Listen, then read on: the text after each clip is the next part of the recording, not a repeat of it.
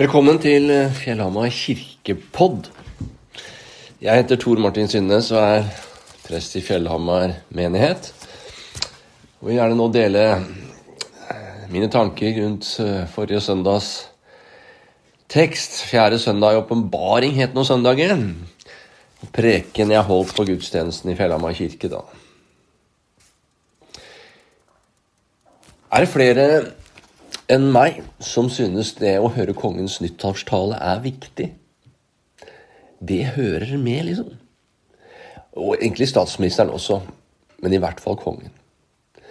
Og jeg syns kongen vår er god til å tale, også i år. Han får sagt ting enkelt og forståelig, og han virker å være nær på livet til folk flest, selv om han er konge og bor på slott. Og Jeg vil sitere en del av talen her nå. Det er en tid for å se hverandre nå. Tenk om vi alle hver dag kunne spørre et menneske som kommer i vår vei, hva kan jeg gjøre for deg?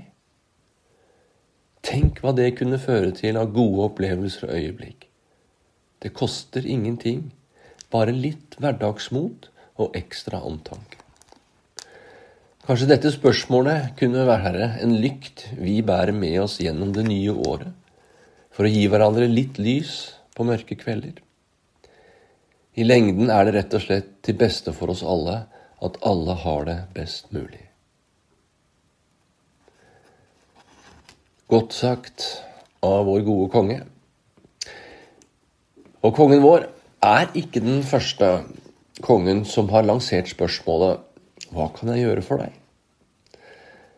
I søndagens tekst så møtte vi Jesus på reise fra Galilea, altså nå nord i Israel, hvor Jesus var mesteparten av de tre årene han virket offentlig.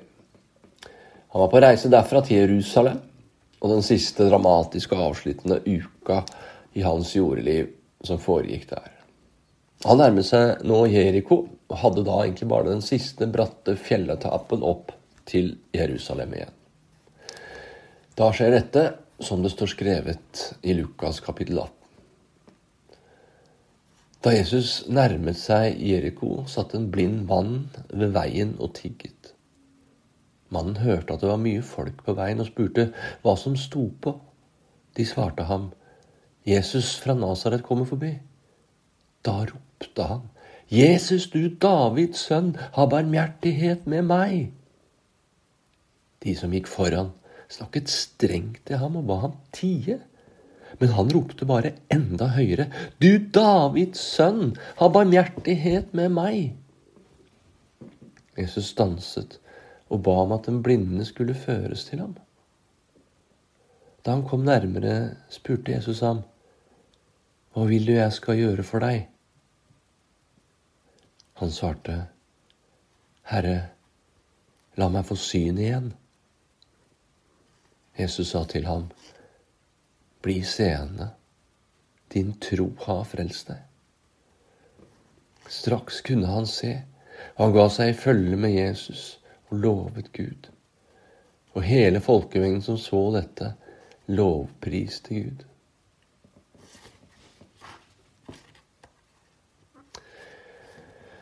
Tiggere var ikke et uvanlig syn i byene på Jesu tid. Antagelig mye mer vanlig enn f.eks. i Oslo i dag. Men vi har det jo her hos oss også. Ja, hver søndag så sitter en tigger ved døra inn til kirka vår. Fjellhamar kirke. Maria heter hun. Og hun har bl.a. en sønn med et amputert ben som hun ikke har råd til helsehjelp for i Romania. Det er ubehagelig å møte en tigger. Tiggeren vil jo ha kontakt med oss, og jeg i hvert fall prøver som oftest å overse eller gli unna. De vil ha hjelp, tiggeren. Penger i praksis, vel. Det er ubehagelig for oss alle. Med Maria, som sitter utafor Fjellhamar kirke hver søndag, hun er det vanskelig å gli unna. Og i de korte møtene jeg vil ha få med henne hver søndag når jeg kommer dit til kirka, så kjenner jeg på mye ubehag. Én ting er jo å finne ut om jeg skal gi noe penger til henne, hvor mye, hvis jeg har cash, vel å merke. Og I møte med henne så får jeg urettferdigheten i denne verden rett i trynet. Jeg møter meg sjøl i døra med hvor mye jeg har, og med hvor lite Maria har. Det er ubehagelig. Og hele dilemmaet med hvordan jeg kan hjelpe, gnager i meg. Hva eller hvem går egentlig pengene til hvis jeg gir? Til bakmenn? Til rus? Eller går de til sønnen Mario? Eller til overnatting så hun kan slippe å sove ute denne natta. Denne usikkerheten er også ubehagelig. Det er vanskelig. Det gjør meg utilpass og urolig. Og det forstyrrer meg når jeg skal gå inn i kirken for å møte Gud. Den blinde Bartimeus begynte å rope etter Jesus når han hørte det var han som kom forbi. Markus, Evangelisten Markus forteller samme historie som Lukas, og der heter denne blinde tiggeren Bartimeus. Så jeg kaller han nå Bartimeus. Bartimeus forstyrret, og folk ba ham strengt om å tie stille. Men da ropte han jo bare enda høyere, kanskje provosert, på trass, men i enda større desperasjon. Jesus stanset, ba han komme. Og den store kongen spurte så Bartimeus, hva vil du jeg skal gjøre for deg? Jesus hadde tid til å stoppe, hadde tid til den blinde tiggeren Bartimeus. Han prøvde ikke å gli unna. Han hadde rom og styrke til ubehaget, til å stå ansikt til ansikt med en lidende og fattig og desperat tigger. Og han hadde rom og tid til å til å spørre hva kan jeg gjøre for deg?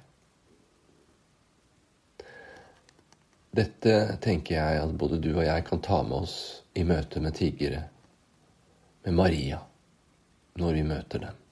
Vi kan stoppe. Vi kan ta oss tid til et lite smil, hilse vennlig, si noen få ord. Vi kan orke ubehaget med å se noen i øynene som har det vondt orke gapet mellom vårt liv og tiggerens liv. Vi kan orke ikke å vite hva vi skal gjøre hvis vi spør hva kan jeg gjøre for deg? Og vi kan orke usikkerheten hvis de svarer oss. Vi døpte fire herlige barn på søndag. Vi kan jo tenke at vi ville spørre dem hva vil du jeg skal gjøre for deg. De kan jo ikke svare så godt på det ennå. Men eh, mammaen og pappaene deres er gode til å skjønne dem og tolke dem mye. Selv om det er en god del man jo er usikre på. De fleste tre av de fire hadde storebrødre storesøstre på så å si fire år. Og de kan jo svare langt mer. Og det er viktig at disse store barna, eller barn, får svare på de spørsmålene selv. Så de kan lære å sette ord på hva er det han egentlig trenger hjelp til. Ikke minst det er følelser inni seg som er vanskelig å skjønne hva er. Det enkleste for oss voksne er jo ofte å tro at vi vet hva som er problemet, og bare løse det. Men det er viktig å la barnet selv få si hva det er som er deres ønske, og hva vi kan gjøre for dem. La barnet være med og eie sitt eget behov. Og for oss som skal hjelpe, betyr det å gi fra oss kontrollen og, på en måte gi styringen til den som ønsker hjelp. De små dåpsbarna trenger hjelp til veldig mye, nesten alt nå. Om 50-60 år blir det fort motsatt. Det er de som hjelper mamma og pappa som er blitt gamle. Men det er egentlig en toveis ting hele veien. Hele tiden. Vi er både givere og mottakere, alle sammen, hele tiden. Dette, disse små dåpsbarna gir jo masse til foreldrene allerede. Det er jo noe å stå opp for hver morgen. Ja, flere ganger om natta også. Den lille kroppen, gir liv, mening til livet for foreldrene. Det mest betydningsfulle oppgave. Noe å leve for. Det er ikke småtteri hva et lite barn gir av hjelp til livet, også til oss voksne.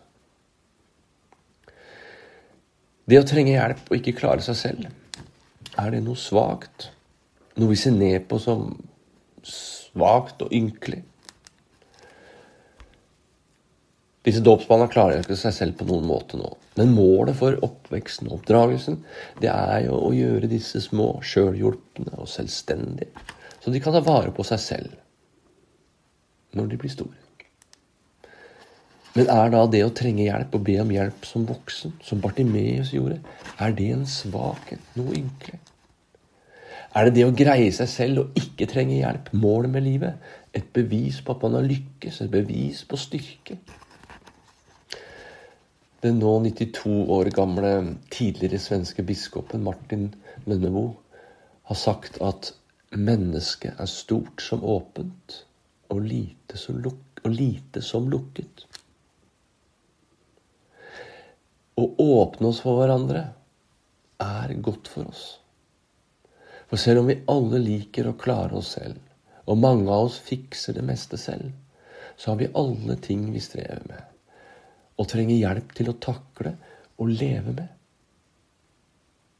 Og i alle relasjoner som skal bety noe for oss, så trenger vi åpenhet og å komme nær hverandre.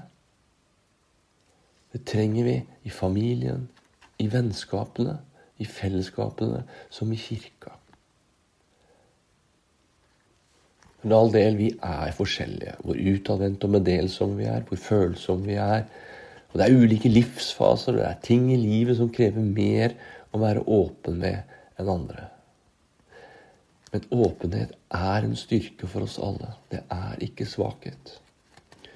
Åpenhet om at vi trenger hjelp, at vi trenger andre, er en styrke og ikke en svakhet. Hvor mye lettere er det ikke å bli glad i og føle nærhet til en som kan være sårbar, og dele ting med oss og be om hjelp, enn en glatt polert og ugjennomtrengelig selvhjulpen fasade. Å få se litt av hverandres utfordringer sorger, kamper. Å få gi hjelp og ta imot hjelp gjør noe med oss og relasjonene våre. Spørsmålet om hva kan jeg gjøre for deg, får ingen betydning hvis vi aldri trenger noen hjelp av andre, av hverandre. Den blinde Bartimeus åpnet seg og ba om hjelp fra Jesus. Ja, fra Gud. For Bartimeus hadde hørt om Jesus på forhånd. Det var tydelig. Ryktet hadde gått foran Jesus om en mann som sa ting, om gjorde ting, som om han var fra Gud, ja, som bare Gud kunne gjøre. Det vekte et håp, en tro i Bartimeus som ropte, Jesus, du Davids sønn, ha barmhjertighet med meg.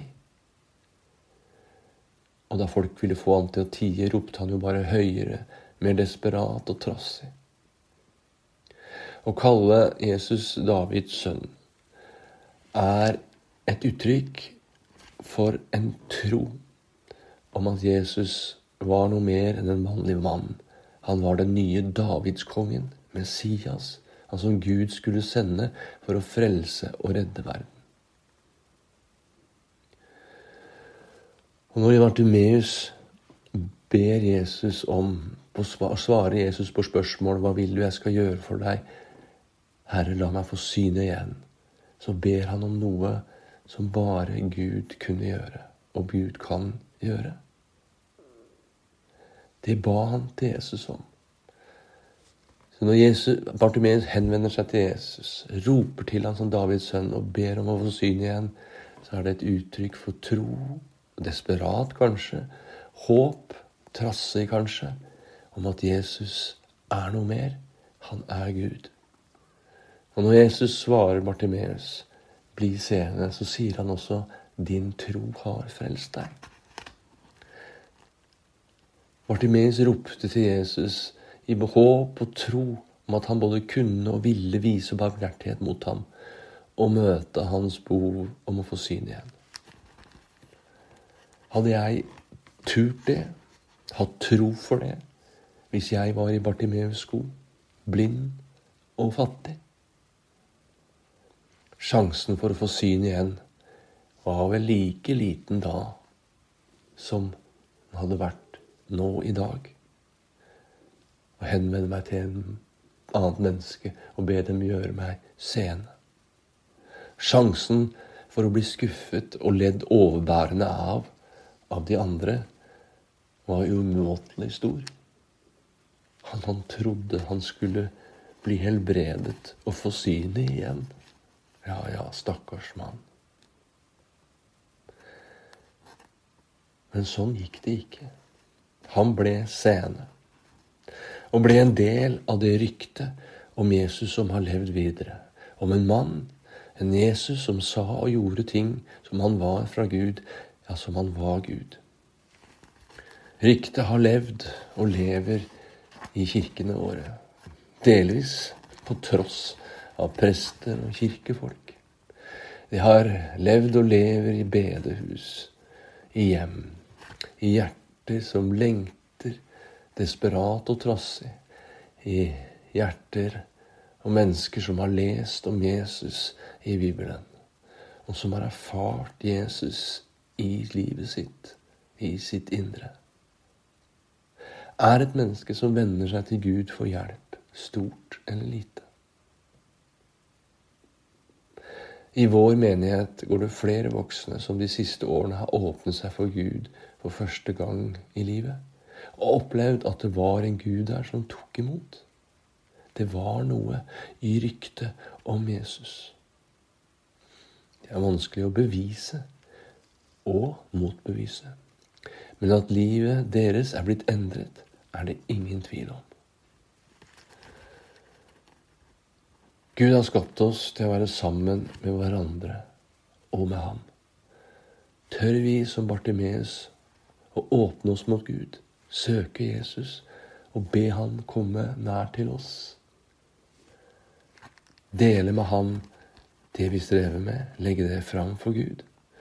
Åpne opp for at Gud er her, midt i alt som er, av godt og vondt, og at vi kan finne Ham og hente styrke hos Ham. Vi kan finne tro, håp og kjærlighet midt i livet, her og nå. Det å åpne seg for Gud kan være en vei å gå som tar tid for noen av oss. Men det kan også bare være et valg vi tar her og nå og må ville åpne oss og be Han komme nær. Midt i livet, midt i alt som skjer, i styrke og svakhet.